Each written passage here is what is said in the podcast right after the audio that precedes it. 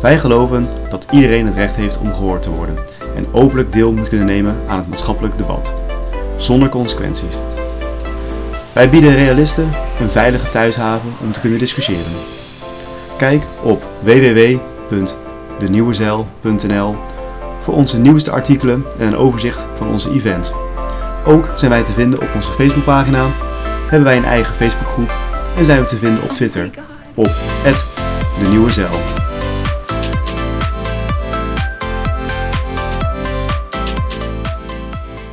Goedendag luisteraars. Welkom weer bij een nieuwe aflevering van de Nieuwe Zeil podcast. Ik zit hier weer met Perry Pierik en vandaag gaan wij het hebben over 70 jaar NAVO. Perry, welkom. Ja, hallo Bart. Hoi, goedemorgen. Ehm, ja, het is eh, eigenlijk nu alweer iets meer dan een maand geleden dat eh, de NAVO 70 jaar geleden is opgericht. Eh. Ja, dat, eh, dat klopt. Eh, 1949, hè? ja, Eh, ja, ehm, het, is een, ehm, het is een feest en het is geen feest, denk ik, op Ja. dit moment, hè? als we actueel kijken inderdaad eh, is er nogal veel kritiek te geven op de NAVO denk ik op dit Ja. moment. Maar hoe, hoe, hoe was het in die tijd? Hoe was het in Nou ja, 1949? ik, ik, ik denk, kijk, als ik gelijk iets heel algemeens mag zeggen, denk ik toch dat die NAVO ons veel gebracht heeft in het, in het Westen. Hè? Eh, je weet hoe ingewikkeld het is geweest in de geschiedenis om eh, dit soort grote eh pakten, veiligheidspakten eigenlijk op te stellen. Ehm, je hebt natuurlijk de allergrootste, zoals Verenigde Naties, die ze voorloper had in de, in, in de Volkenbond. Ja, de Volkenbond was een mooi initiatief. Dat ontstond na de Eerste Wereldoorlog met ja dit idee. Wilson, toch? Ja. Ja, de Amerikaanse president Wilson, die, die toch een, een vooruitziend ideaal heeft gehad van we moeten dat op een of andere manier, die verschillen tussen volkeren overbruggen en eigenlijk proberen oorlogen te voorkomen. Het is een beetje dat, dat, dat, dat, dat nooit meer oorloggedachte eh, die, er, eh, die er bestond na de verschrikkelijke loopgravenoorlog van 1418. Het jammer is toen alleen geweest dat de Amerikaanse interne politiek eigenlijk een zweng maakte weer terug meer naar wat meer isolationistische eh, lijnen, waardoor eigenlijk de Verenigde Staten zelf eh, geen, geen plek had in die. Volkenbond. Eh, daarbij hadden de nieuwe landen, de Sovjet-Unie en Duitsland, eh, daar ook aanvankelijk geen plek in. Rusland werd natuurlijk, de Sovjet-Unie werd natuurlijk als een, soort revolutionair buitenbeentje gezien. Ja, En ja. Duitsland was verslagen in de Eerste Wereldoorlog. Ja, werd gewoon monddood gemaakt eigenlijk. Precies. Ja. Nou, na de Tweede Wereldoorlog zie je dus dat daar wel lessen uit zijn ge- getrokken. En dat de, de, de, de Verenigde Naties natuurlijk werden opgericht. En ehm, de, de, de VN heeft vervolgens weer samengewerkt met allerlei andere internationale organisaties. En de NAVO, als een, verdedigingspact eigenlijk van het Westen, Ja. heeft daar een, ja, ik denk, toch een mooie rol in gespeeld in de, in de geschiedenis. Dat was toch een soort veilige paraplu. Waaronder eh, eh, de internationale politiek in het Westen kon, eh, kon opereren. Dat had ook eh, opmerkelijke toetreding. Hè. In 1949 waren natuurlijk vooral de, de, de, ja, de typisch westerse landen die daar eh, deel aan hadden. Maar in 1952 kwam daar bijvoorbeeld bij Turkije en eh, Griekenland. En heel opmerkelijk in 1955 eh, West-Duitsland. Ja. Dat, ja, Dat... zien we dan ook al niet dat het eigenlijk natuurlijk al snel, een, eh, waar we het in de vorige aflevering over hebben gehad, een geopolitiek instrument wordt. Want je zegt nu hè, 1955, maar vanaf dat jaar wordt ook bijvoorbeeld eh, het beruchte artikel 5. ja zeker. Ja. Dus ja. een aanval op één is een aanval op alles. Juist, ja. Dat is inderdaad de kern eigenlijk van het hele NAVO-gebeuren. Waardoor je dus eigenlijk sterk staat met z'n allen. En waardoor je niet meer tegen elkaar kan worden uitgespeeld. Wat je bijvoorbeeld aan de vooravond van de Tweede Wereldoorlog had. Hè. Denk aan het verdrag van München. Ja. Hoe Duitsland de Tsjechië inpikte. En, eh, en zo rolde men langzaam eigenlijk die oorlog in. Eh, ja, met Duitsland erbij betrekken, zeker. Dat was natuurlijk, eh, eh, dat was natuurlijk geopolitiek. Men wilde eh, Duitsland mobiliseren in die toenemende spanningen eigenlijk van de Koude Oorlog. was natuurlijk ook een Ja. onzekere tijd. Stalin was eh Ja, die was dood. net de pijp uit. eh, Ja. dus daar waren allerlei ontwikkelingen aan de gang. En, en Duitsland ja, is nu eenmaal toch op het Europese continent een, een, een enorme macht van betekenis. En door Duitsland te mobiliseren eh, had de NAVO natuurlijk een enorme slagkracht. Extra. Dat heeft natuurlijk uiteindelijk wel toegeleid dat het Warschau-pact aan de andere kant eh, Het, eh, ontstond. ja.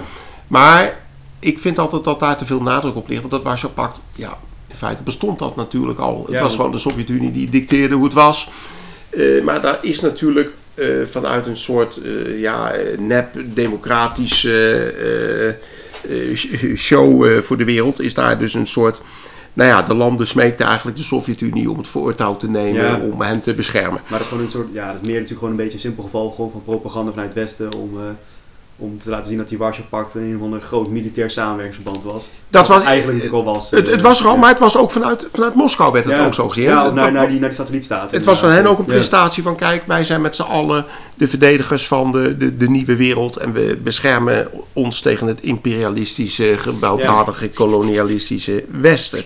Maar dat, eh, dat jaar 1955, dat was natuurlijk vooral ook interessant omdat dat ongeveer twee jaar na, na, na eh, eh, ongeveer een jaar lang van pennenstrijd geweest tussen het, tussen het Oosten en het Westen. hè, Die, de, de bekende Stalin-nota's. Ja, Ja. ja, Waar Stalin natuurlijk vroeg om demilitarisatie van Duitsland, zodat Duitsland kon verenigd worden. ja, Maar die zijn helemaal stuk gelopen natuurlijk. ja, dat is stuk gelopen. Het is met Duitsland eh, ja, eigenlijk helemaal misgegaan. Ja. We kennen natuurlijk ook de Berlijnse crisis eh, die er geweest is.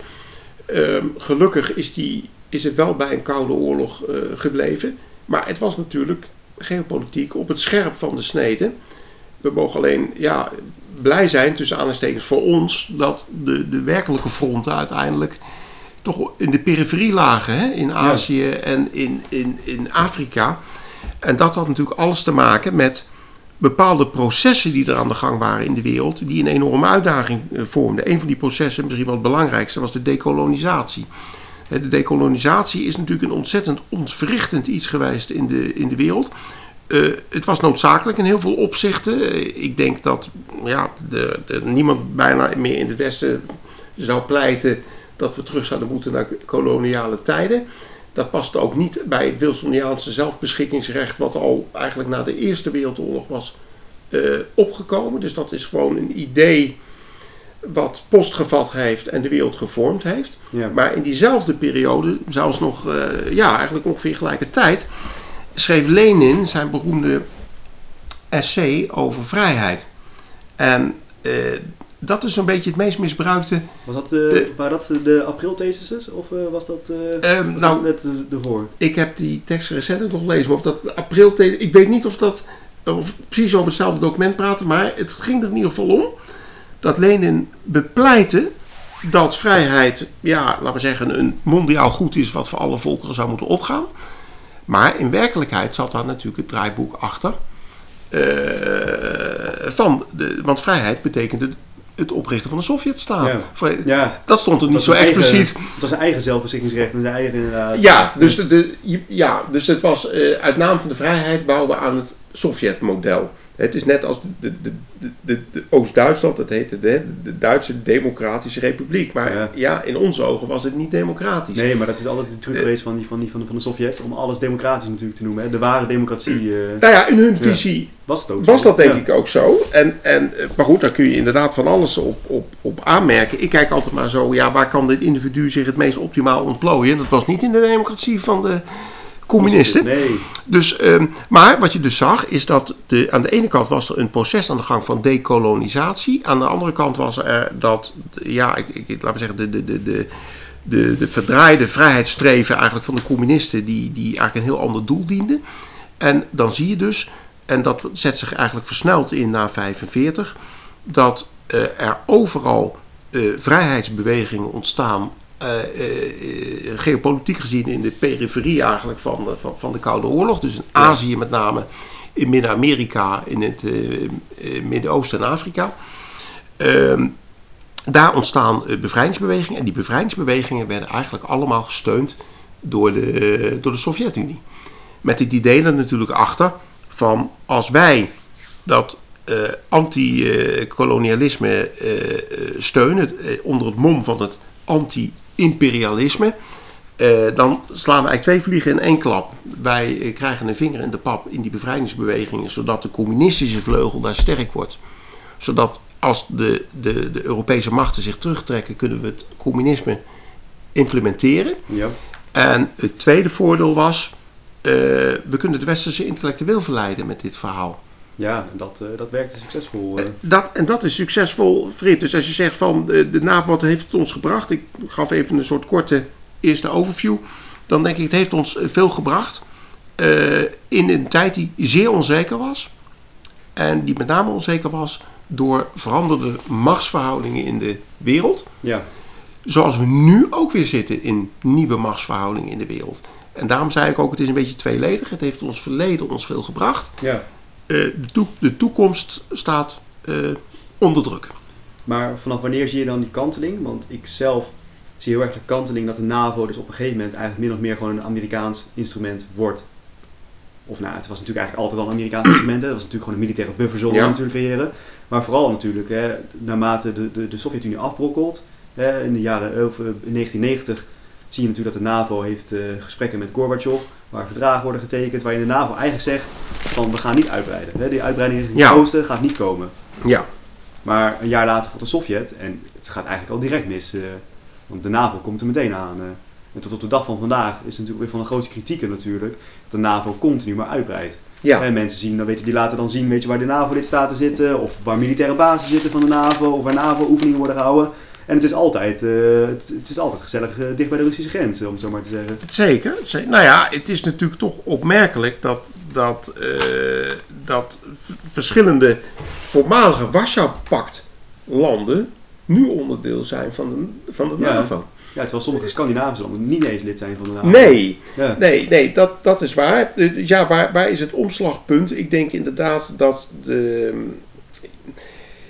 Ja, kijk, het, het is ook bijna inherent aan machtsdenken, want daar heeft natuurlijk de NAVO mee te maken. Eh, en ook heel moeilijk beheersbaar op het moment dat jij een machtsvacuum ziet, om dan de zelfdiscipline op te brengen om je in te houden. Ja. En ik, ik denk, als, als we nou gaan terugkijken op die geschiedenis, ik denk dat dit de, de, de grote vraag is. Ehm, en dat dat uiteindelijk tot spanningen leidt. We hebben, eh, ehm, ehm, ik heb al eens eerder gewezen op het belang van het boek van die Samuel Huntington over botsende beschavingen.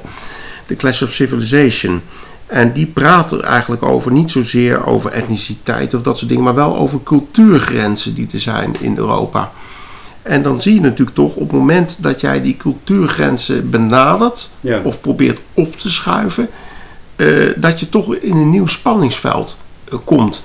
En eh, ik denk inderdaad dat het Westen eh, wat al te gretig is geweest na 89.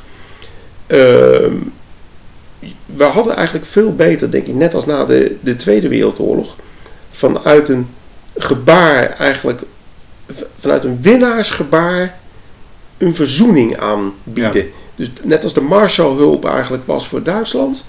En dat je echt probeerde dat land eigenlijk weer op te bouwen en op Ja. te nemen in de volkerenfamilie.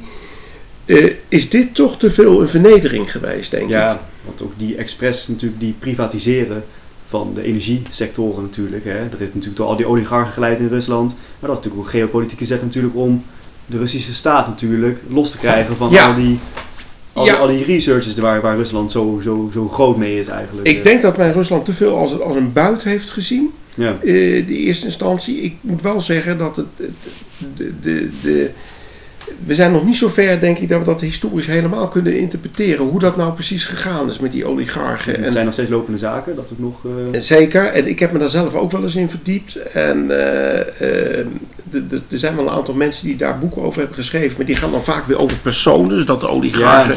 Ja, het is een beetje moeilijk, want je hebt ongeveer 12 echt, echt hele grote oligarchen gehad. Hè. Dat was die club van 12. Ja, Maar je hebt in principe in totaal heb je ongeveer 200.000 oligarchen gehad eh, in Rusland in de jaren 90, waarvan een, een, een, een kwart hè, naar het westen zijn gegaan.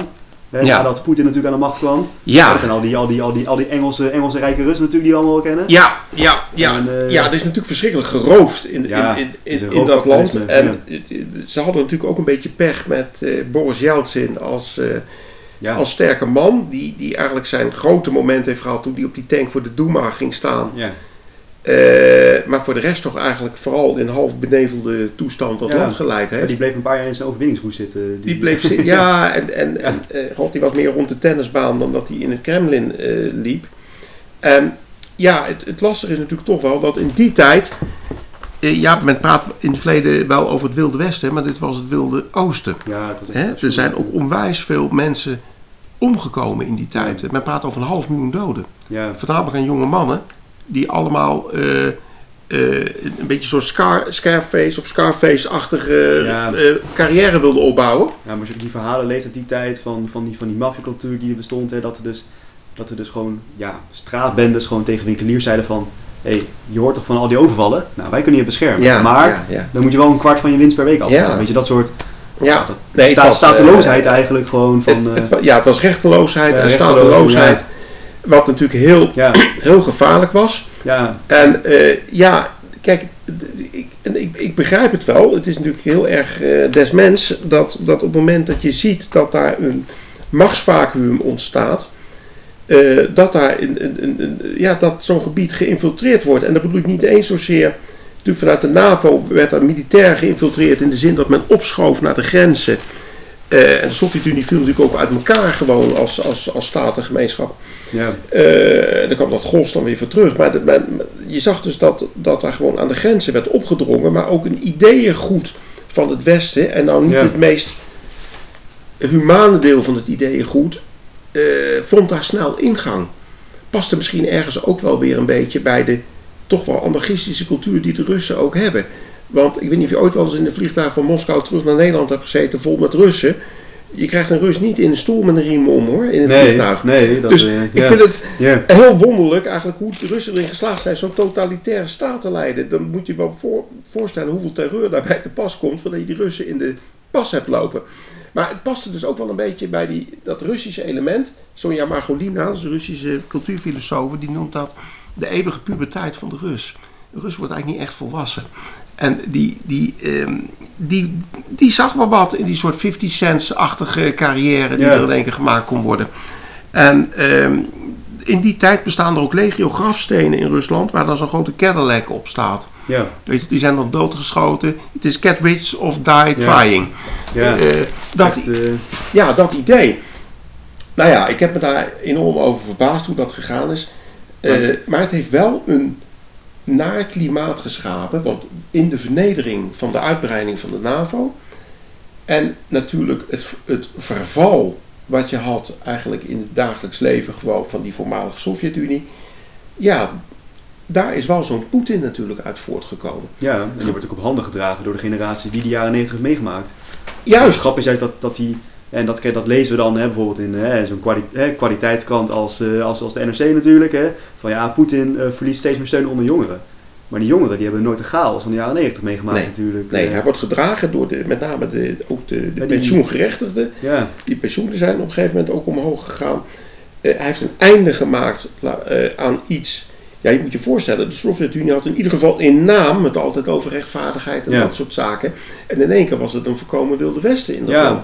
en ook bijvoorbeeld eh, de, de, de, de persoons- en de bezitskadasters, Ja, die bestonden niet. Hè? Natuurlijk, want onder de Sovjet-Unie was alles van de staat. ja, ja. En ja, toen de ja. jaren 90 natuurlijk begon, niemand wist nou voor wie, voor, voor wie dat huis nou was. Je kon je hele leven wonen, Wat een chaos maar dat, dat, dat, dat, dat, dat eigendomsrecht, dat hadden ze nog helemaal niet. eh, dat moesten ze nog... nou eens voorstellen Nee. eigenlijk, hoe, hoe erg dat geweest is.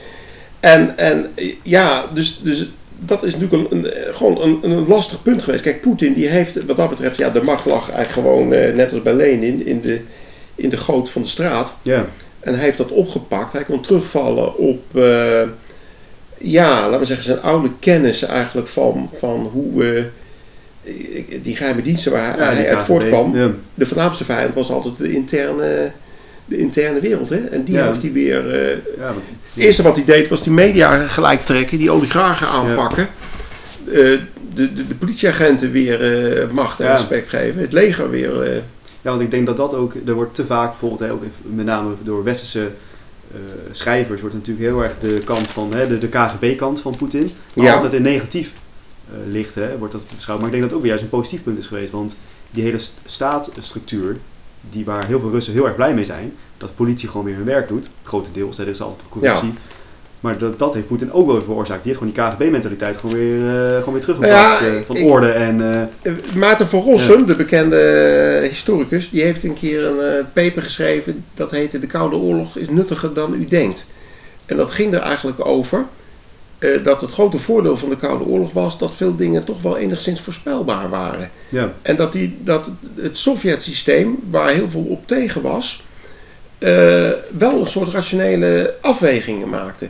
Je ziet het aan de Cuba-crisis. Had, Ja. toch- had toch heel makkelijk uit de hand kunnen lopen. Ja, Uiteindelijk trekken ze toch terug. Dat is ook wel inzien van ja, gaan wij een oorlog voeren om een suikereiland voor de kust van Amerika? Nee.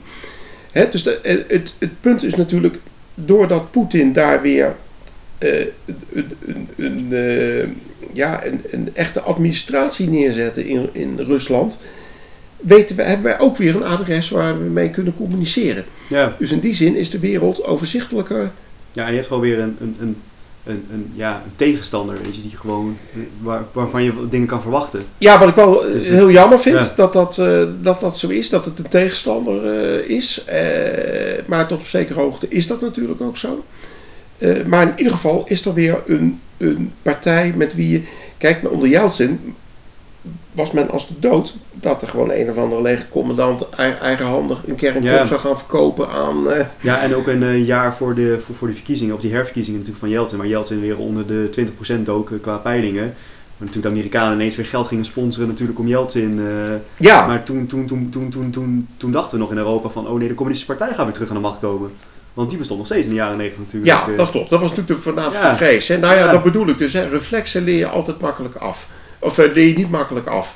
En daar zitten we nog heel erg in gevangen. Je ziet dat ook eh, in het, in het Syrië-conflict. Waarbij Moskou toch bijna automatisch het regime van Assad steunt. Dat wij automatisch aan de andere kant zijn gaan hangen. Waarvan ik denk van ja jongens, volgens mij kan je daar ook iets origineler naar kijken als je zou willen. En ik, ja, ik vind dat ik vind dat wel, wel jammer. Dit- en dat noemen ze ook tegenwoordig. Men spreekt dat er is een mist over de Atlantic. Hè, dus over het Ja. Atlantische bondgenootschap hangt eigenlijk een soort doem, een soort mist op dit moment. En eh, ja, we zitten niet meer in die, in die overzichtelijkere tijd. Ja, je gaat bijna eh, terugverlangen naar de ja, overzichtelijkheid van de Koude Oorlog. eh, Maar dat, is ja. natuurlijk, dat, dat, dat zou ook onterecht zijn natuurlijk, omdat net wat ik al zei, die oorlog werd wel degelijk uitgevochten. Alleen in de periferie. Ja. Hè, maar naar het Midden-Oosten te kijken, naar al die conflicten rond, eh, rond Israël. Ja. Dat was zeer koude oorlog gelaten. Het begint al met de Suezcrisis in eh, Ja. 56. Hè, die dan door Nassar wordt uitgeroepen. hè, En dat, dat Moskou dan in één keer erkent van... hé, hey, dit kan wel eens onze man zijn. ja, dat kan een bondgenoot zijn. Dat kan een bondgenoot zijn. Terwijl aanvankelijk de Sovjet-Unie eh, ook naar Israël keek hoor, als mogelijke bondgenoot. Ja. Dus je ziet ook, dat waren ook ehm, gelegenheidsbondgenootschappen. En natuurlijk eh, ja, zeer traumatisch voor het Westen. eh, Vietnam natuurlijk Ja. ook. Als conflict. Met als uitvloeisel eh, Cambodja nog een keertje. ja. Ja, Ja, wat ik zelf, wat ik zelf nog wel vraag eigenlijk, en wat jouw mening over was. het is nu 70 jaar NAVO. Ja. En er wordt heel erg trots, komt die Jens Stoltenberg. En die gaat dan vertellen over, hè, over, over de NAVO-missies, maar ook over de, over de vrede die de NAVO heeft weten te bereiken. En dan hoor je natuurlijk ook, hè, de Europese verkiezingen zijn weer om de hoek. En Ja. dan hoor je dat ook, hoor je het Frans Timmermans, hè, nooit meer oorlog. En de Europese Unie heeft voor veiligheid gezorgd. Maar als we even iets, iets, iets, iets, eh, iets meer naar links kijken van Rusland, hebben we natuurlijk gewoon het Joegoslavië-conflict gehad. Ja. Waarin eh, Ja. EU-landen en ook de NAVO natuurlijk nou niet echt een al te positieve rol heeft gespeeld. In Nee. het conflict beheersen, om het zo maar even te zeggen. Nee. Bedoel, eh, dat is helemaal uit de hand gelopen. ja en, en, en een wonderlijke nieuwe staat heeft opgericht Ja, Europa. Kosovo bijvoorbeeld. Ja. Ja, en Bosnië. Bosnië. Slovenië, noem, ze Ja. noem ze alles even maar op inderdaad. Eh, Ja. Kroatië, ja. Nou ja, zeker. Ik, ik, ik, ja, nou ja, dat is ook wat men. Kijk, ik begrijp het wel. Aan de ene kant wil men natuurlijk een positief verhaal hebben. En men houdt Ja. ook eh, vast aan die NAVO. Eh, ook Trump uiteindelijk toch, ondanks de kritiek. ja, ondanks de kritiek. Maar goed, hij had daar Ja. ook gelijk in over die 2% besteding. eh, Zolang je erin zit, moet je gewoon gaan betalen. Dat, Ja. ja. dus nou ja, goed. ja, Engeland doet dat keurig, maar de, de meeste landen niet. Duitsland zit op eh, 1,3 procent, Ja. geloof ik. Ja. Nou, het Duitse leger is ook in vrij slechte staat. Ja. Hè, dus dat, dat, dat zijn hele zorgwekkende dingen. Kijk, ik denk dat die, die, die, als je de, de, over de NAVO nu eh, nadenkt, dat er een aantal zaken zijn die, eh, die van belang zijn. Eh, het eerste is eigenlijk dat, kijk, die NAVO, Amerika was natuurlijk toch altijd de Verenigde Staten, dat is toch de belangrijkste macht, net zo goed als in het Warschau-pact vroeger dat de Sovjet-Unie was. Daar is natuurlijk wel een zekere decline aan de gang van, van de Verenigde Staten. Ja.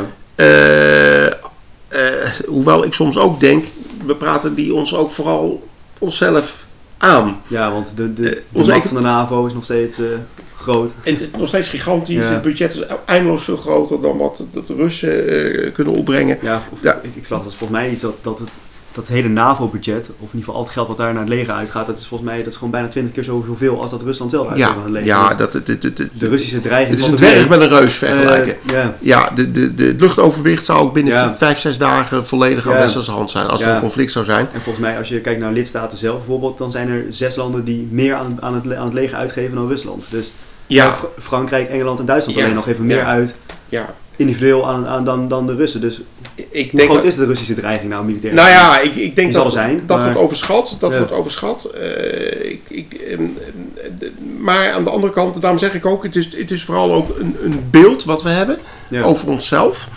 En wat ook door politici eigenlijk eh, op een of andere manier wordt aangepraat. En ook door, eh door, door We leefden eerst in een soort, soort triomfalistische tijd, eigenlijk kort na de Koude Oorlog. Toen waren we te arrogant. Ja. En nu zijn we te bescheiden. En zijn er in één keer eh, grenzen kunnen in één keer niet meer gehandhaafd worden. Alsof Ja. dat een soort heel exotisch standpunt is. Dat een grens dicht moet zijn. Dus je ziet dus dat er wonderlijke ontwikkelingen zijn. Dus dat is eigenlijk een soort mentale decline. Want ook de, de economie van de Verenigde Staten is nog altijd groter dan die van China. Die van de Europese Unie is weer groter dan die van de Verenigde Staten. Dus Ja. ik denk, kom op, eh, waar hebben we het over? Ja. Er is eigenlijk niet zoveel aan de hand. Maar het moet ook tussen de oren goed zitten met mensen. En met, dat geldt natuurlijk ook voor eh, landen en, en, en, en een waardegemeenschap. Wat die NAVO natuurlijk toch ook is. Net als de Europese Unie. Alleen dan de militaire tak ervan. Ehm, dat noemen ze tegenwoordig dan, dat is eigenlijk die tweede uitdaging, de, de multi-order impact. Dus je ziet eigenlijk dat, ja, vroeger was dat natuurlijk een, een, een, een, een bipolaire wereld. Je had de Sovjet-Unie, je had het, het Westen, het Warschau-pact tegen de Ja. NAVO. Nu zie je dat het ingewikkelder is geworden. Eh, je, je hebt de Verenigde Staten. Ja, ja, die Ja. wat meer een, meer een alleingang gang maakt dan eh, onder Trump dan in het verleden. Je hebt de Europese Unie, dat worstelt eigenlijk met zijn eigen identiteit. Eh, wat willen we nu? Gaan we wel of niet naar een Europees leger? Eh, sterker nog, gaat die Europese integratiepolitiek überhaupt wel lekker Ja, maar lopen? dat vind ik ook zoiets mooi met het Europees leger. Hè? Ze lopen altijd over de Europese integratie te praten. Maar zie jij het nou voor je dat over vijf jaar, als een Europees leger hebben, dat Duitse soldaten luisteren naar, naar een Italiaanse leidinggevende? Naar een, Ja, dat nou is ja. wel wat een Europees leger moet worden. Hè? Dat Ik, ik heb wel gezien, dus dat, Ja. kijk, mentaliteiten kunnen toch wel snel veranderen. Dat, dat, dat, dat Ja, zie je dus kan. eigenlijk net aan dat voorbeeld van net. Maar het punt moet zijn, die, die unie moet gewoon functioneren. Kijk, het feit, we hadden een politieke unie, we hadden een, een douane-unie, we hebben een monetaire unie gehad. Eh, daar, daar kreeg je dat Griekenland probleem op. We kregen een migranten-identiteitscrisis Ja. daardoor. We kregen een brexit die daaruit voortkwam. We hebben nu de, de, de, de Hongarije bouwde een, een, een, een, een, een, een, eh, een hek. Ja. Een hek. Eh, dat werd vervolgens de deurmat van Europa. Waar Iedereen ze- volgens mij ook. Heeft ook een hek gebouwd. Ja, nu En willen we helemaal afgesloten. nu willen we allemaal Ja. een hek. Ja. En, maar men komt niet terug op die standpunten. Dus we Nee. krijgen een soort. We krijgen een soort eh, schizofrenie waarin eh, allerlei ideeën niet mogen worden uitgesproken. Waarin eh, de- ook het opkomen voor de nazistaat eigenlijk al een soort verdacht politiek standpunt is. Dus Europa worstelt met zichzelf. Dat wilde ik eigenlijk zeggen. Je hebt dus die decline van, van de VS. De Ja. Eu- Europa in het multi-order impact idee, de- de- wat worstelt met zichzelf. Je hebt Rusland natuurlijk als, ja, toch weer verrassend een nieuwe grote speler op het toneel. Komen altijd terug, eh, die Russen. Komen altijd terug. eh, ja. Komt altijd terug. Eh, weliswaar, we hebben dat net al gerelativeerd, mo- moeten we dat ook niet overdrijven. Maar is wel bereid om consequent puur klassieke geopolitiek toe te passen. Wat we zagen op de Krim. ja. En je ziet het nu eigenlijk ook in de landje Pik rond dat eh Don, Ja. kolenbassin in Oost-Oekraïne. Eh, we zagen toch een staaltje van. Er is nu net eh, dat proces in Montenegro, toen Montenegro voor de NAVO zou Ja. tekenen, dat daar een staatsgreeppoging is geweest. In 2017 is Montenegro toegetreden. En die staatsgreep zou Russisch georganiseerd zijn geweest. Dat proces is net aan de gang in Montenegro. Dus je ziet dat die Russen, eh, laten we zeggen, dat wel zo durven te spelen. En ook de weg naar de digitale wereld ontdekt hebben. Eh, dan hebben we Turkije, ook een lastig verhaal. Ja, want die hebben natuurlijk eh, in 2004, was net een jaar of een half jaar was die Irak-oorlog bezig. Hebben ze natuurlijk dat artikel 4 eh, geactiveerd hè, binnen de NAVO. En dat betekent natuurlijk dat ze eigenlijk, dat, eh, dat is meer zo'n verdedigingsmacht Ja. hebben natuurlijk. Wat ik En ook wel begrijp. Ja, Wat ik ook begrijp, want, los nog van de specifiek Turkse Ja. situatie, want we hebben daar, laten we zeggen, nou niet het schoolvoorbeeld van een westers-democratische leider met Erdogan. Maar de, de, het NAVO is ook meer en meer een direct, eh, qua grondgebied, aansluitend geworden aan conflictgebieden. Ja, Dus dat vraagt ook wel, je bent ook veel makkelijker in het conflict dan voorheen. Hè, tot nu toe zat je me vooral, eh, in ieder geval in Europa, op, de radar te kijken of er Ja. wel of niet een raket zou ja komen of er een raketje voorbij kwam. Ja, en nu is het natuurlijk anders. Daar zijn gewoon lastig controleerbare oorlogen aan de gang. Maar- Irak en Syrië. Ja.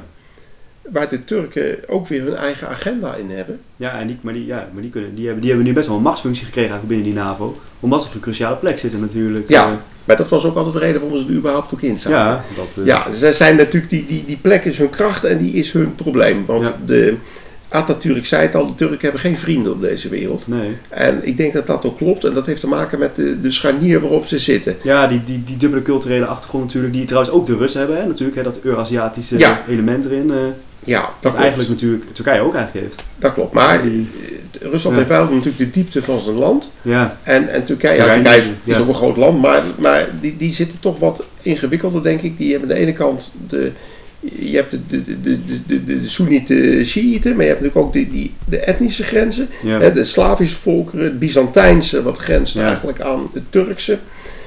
En, De en het doen- Arabische. Ja. En Ja. ja, ja nou ja, dat is geen makkelijke positie waarvoor Nee. zitten. En je ziet ook, ze hebben, Erdogan heeft zijn eigen veiligheidsbelangen gedefinieerd, letterlijk van eh, Jeruzalem tot Sarajevo in een van Ja. de toespraken.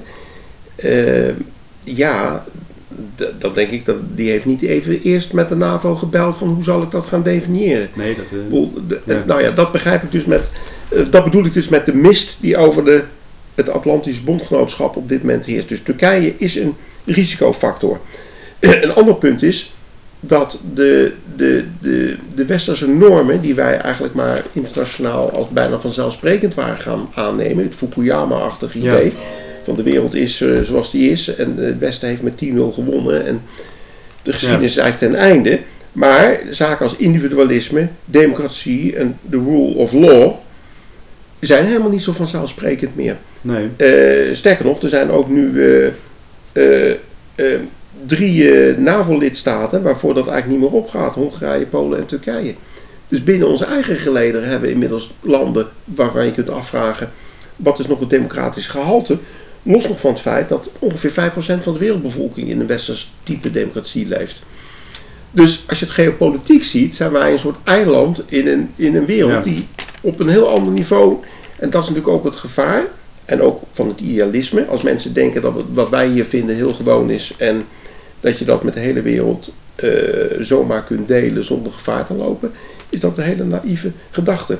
Dus het weg, het, het verminderen, dat is ook een decline eigenlijk van die westerse waarden, vind ik een belangrijk eh, punt. Daarbij zijn natuurlijk ook de complexiteit van de dreigingen, die zijn ook veranderd. Ja, het is, eh, En, en dat is niet overzichtelijker geworden. het is niet alleen maar weer kernwapens. Het Nee. eh, biologische wapens natuurlijk. En, eh, Je hebt dat mooie boek van die Martin Kreeveld, Ja. die Israëlische strategische denker, die praatte al heel vroeg over die asymmetrische conflicten. Ja, Het zijn niet meer, kijk in de Griekse oudheid was het heel makkelijk. Heel Griekenland was heuvelachtig en bergachtig. ja, Maar op die ene vlakte sprak je af.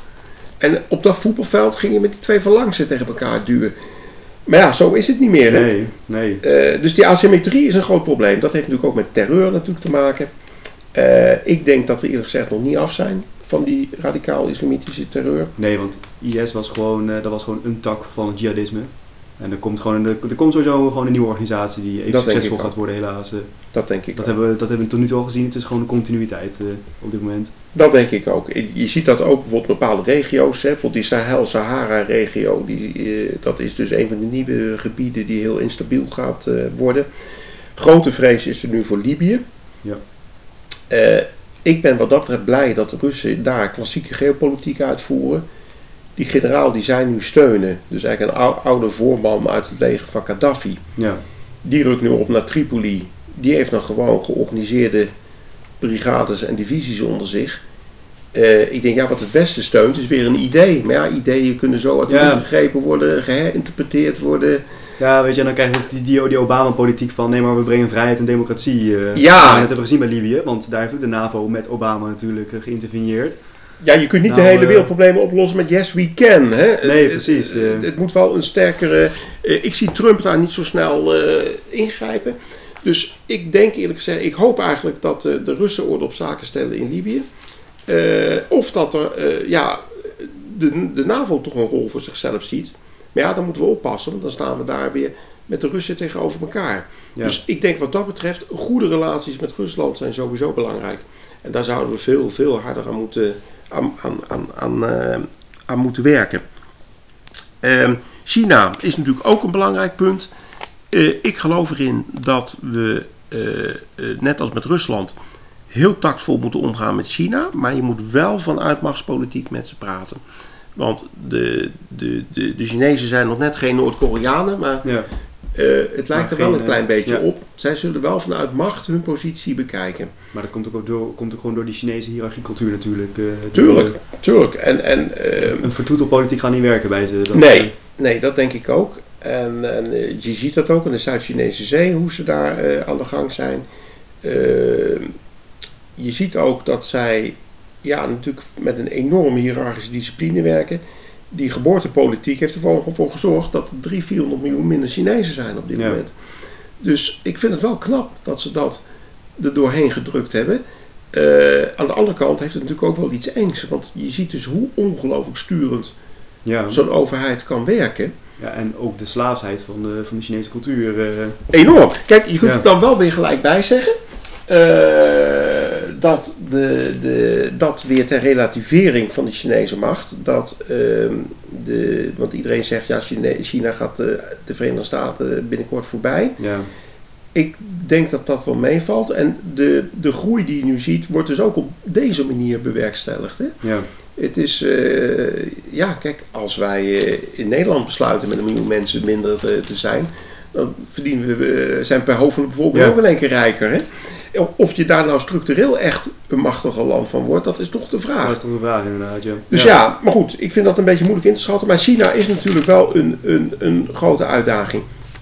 Dus dit zijn de problemen, laten we zeggen, van de, van de, van, van de NAVO. Waar ze nu mee spelen. op dit moment. Ja, nou ja, voor de toekomst. ehm, ja, staan natuurlijk voor een aantal uitdagingen. Kijk, de eerste plaats, ik denk we moeten ook niet te pessimistisch zijn.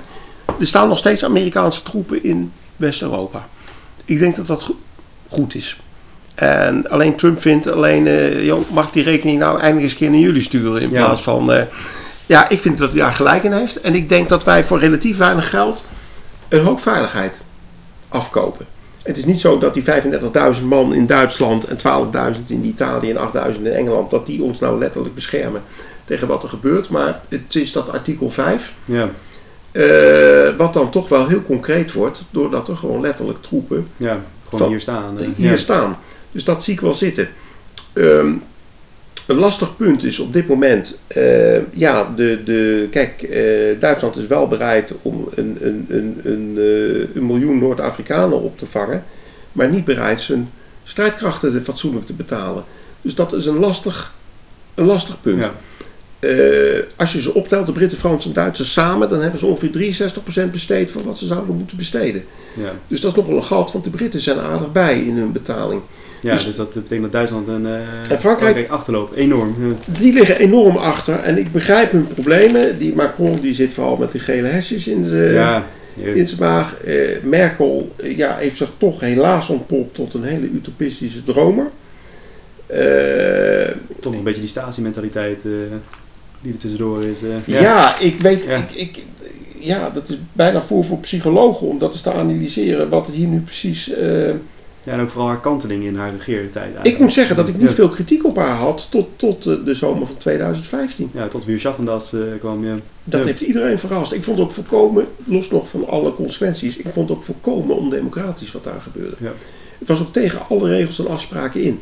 Kijk, als wij dan willen dat wij van eh, law and order, of eh, in ieder geval Ja. van een rechtsstatelijk systeem, of rule of law moet ik eigenlijk zeggen, Ja. dat, dat het Westen daarvoor staat en de NAVO daarvoor staat, dan, ja, dan moet je daar ook aan houden natuurlijk. ja, vooral omdat ze ook gewoon die mensen eigenlijk als het ware inderdaad gewoon uitnodigden en opriepen om te Ja. komen. Maar die, die Balkanlanden die zeiden van eh, nee, nee, nee, nee, dat kunnen wij gewoon niet aan. Eh, Kijk, wat ik wel Ja. denk, wat goed is nu op dit moment, onder Trump hebben we een terughoudende interventiepolitiek. En ik denk dat dat wel goed is. Er zijn zoveel onzekerheden op dit moment in het Westen Ja. zelf, met name eigenlijk in Europa, dat ik denk dat die zekere terughoudendheid, eh, eh, laten we zeggen, geen, geen kwaad kan. Er is in Duitsland nu zo'n nieuw eh, paper opgesteld eh, van die Bernard von Bülow.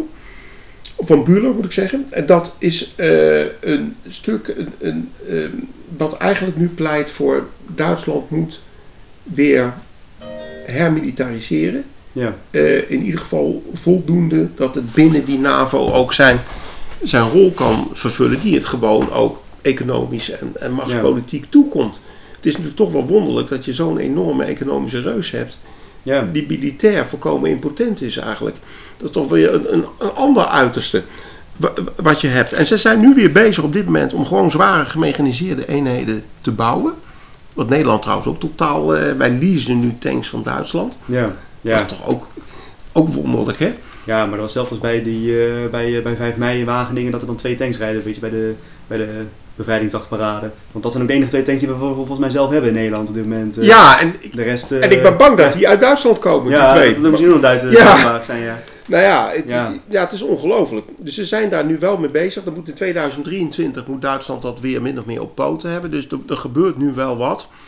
Ehm, Maar het is laat. het, is, het is heel laat. Het is heel laat. En, en ja, eh, kijk, het, is, het ademt nog steeds een beetje de sfeer uit van het, westerse gedachtegoed is een beetje de norm in de wereld geworden. En we kunnen ons bijna niet meer inbeelden dat het anders is. En, eh, maar we worden natuurlijk in, in, in snel tempo eigenlijk met de neus op de feiten gedrukt. En we zien dus dat ja, de wereld ehm, in beweging is, niet stilstaat. Dat de westerse voormachtpositie in het, in het gedring is gekomen, in het gedrang is gekomen. Eh, wat volgens mij helemaal niet zo zou hoeven. ja, Want eh, als het nou, als Europa eh, nu wel. kijk, ik, ik denk als je een redelijk functionerend Europa zou hebben. en je geeft de gebieden een beetje een, een feodaal in- interne. ja, laten we zeggen, mogelijkheid. Kijk, ik, waar ik heel erg op tegen ben. Is dat de Europese Unie zich gaat bemoeien. of de Franse kaasjes wel helemaal eh, conform Ja. de Europese regels zijn. Dat soort zaken, daar irriteer je iedereen enorm mee. Ik denk, laat dat soort dingen nou gewoon aan het federale, ik zei feodale net, ik bedoel het Ja. federale, federale Europa.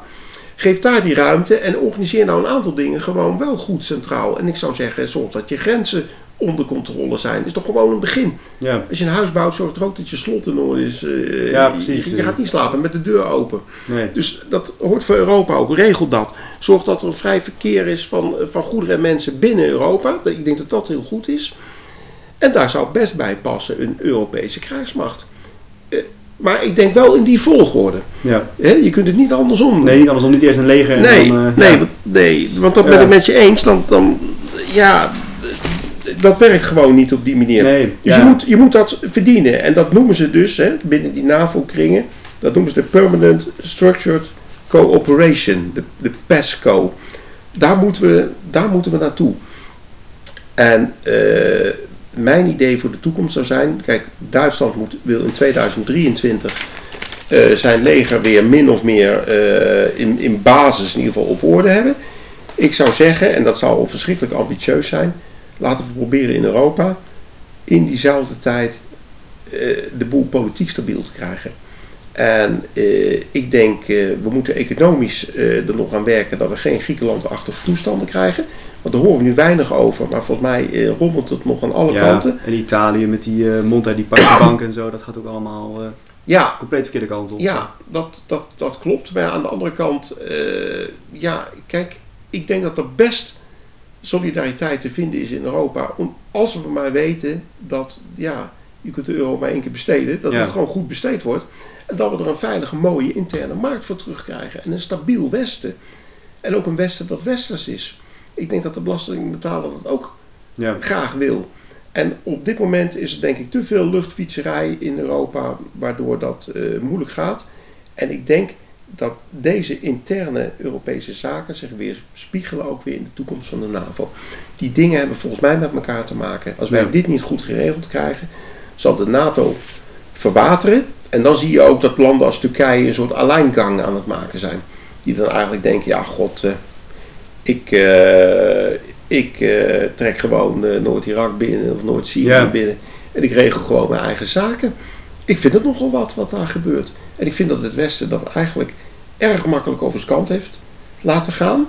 Maar ja, wie is het Westen op dit moment? Hè? Ja, dat is ook een goede vraag. Als wij onze eigen identiteit nauwelijks willen benoemen, als we dat zelfs eigenlijk al een soort verdacht vraagstuk vinden, Ja, eh, ja. als wij niet meer uit natiestaten willen bestaan, dus ook geen, als zodanig geen identiteit meer erkennen, ja, dan is het heel erg moeilijk. Ik denk, een, een- volkeren die hun grenzen niet willen erkennen, houden ook op volkeren te zijn. ja, of überhaupt grenzen ontkennen. Hè? Grens die, ontkennen. Wat die eh, cosmopolieten natuurlijk maar al te gaan doen. Nou ja, we zitten Ja. dus eh, ergens in een val dat we, we hebben Fukuyama nog niet helemaal afgezworen. We zitten nog steeds eigenlijk in een soort nasleep daarvan.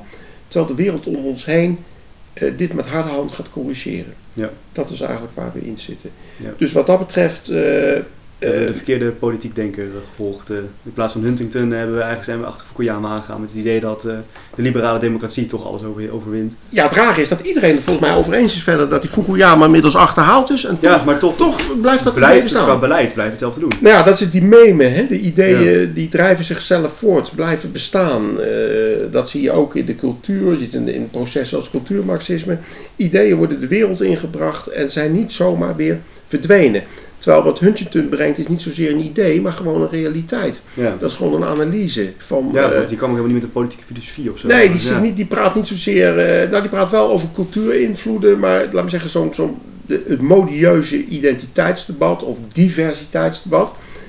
Daar heb je al een van de Ja, lastige kwesties natuurlijk te pakken. Want als we allemaal heel divers willen zijn, hoe krijgen we dan ook weer één Europa? Maar dat is dan het enige punt waarover je niet divers mag zijn. Ja. Dus dat is dan weer de schizofrenie binnen de gedachte zelf. Ja, dat zijn hele lastige vraagstukken. En eh, ja, voor de NAVO is eh, wat mij betreft dit voor de, nou laten we zeggen, de, kijk 2023 is snel. Voor de komende 15 jaar zal dit de grote uitdaging worden. nou dankjewel Perry eh, voor weer een leerzaam, leerzaam uurtje. Dankjewel. Heb je nog gedaan. voor de, voor de luisteraars, heb je nog actualiteiten, weet je, die, waar- waarvan je zegt, die moet je in de gaten houden? Of eh, boeken die over dit, dit soort onderwerpen gaan? Ja, Dat is eh, een deel al besproken natuurlijk. Ja, ja, nou ja, ik heb bij, mijn vorige lezing had ik het boek van de Huntington al benaderd. Dat vond ik eh, een belangrijk, eh, belangrijk werk.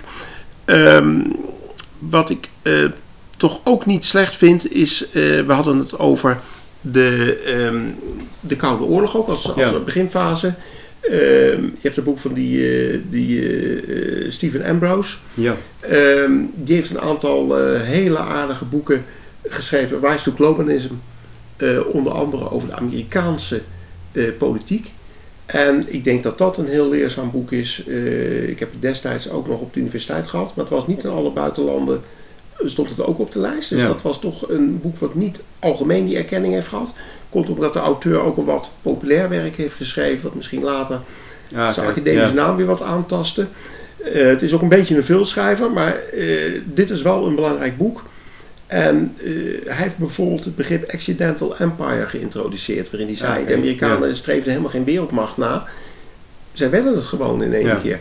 En dat vind ik wel weer aansluiten bij dit, idee- ook de gedachte uit het ideeëngoed wat een wereld verovert. En ehm, nou ja, ik denk eh, A Rise to Globalism, dat zou denk ik een. eh, het is een wat ouder boek, maar een goede aanrader. Nou, dankjewel Perry weer voor een leerzaam tijd en ook voor deze boekentips. eh, en Dankjewel. wellicht eh, weer tot de volgende keer. Deze podcast werd opgenomen door Bart Rijmerink. Heeft u nog tips over toekomstige sprekers of toekomstige onderwerpen? Neem dan contact met ons op via onze mediakanalen.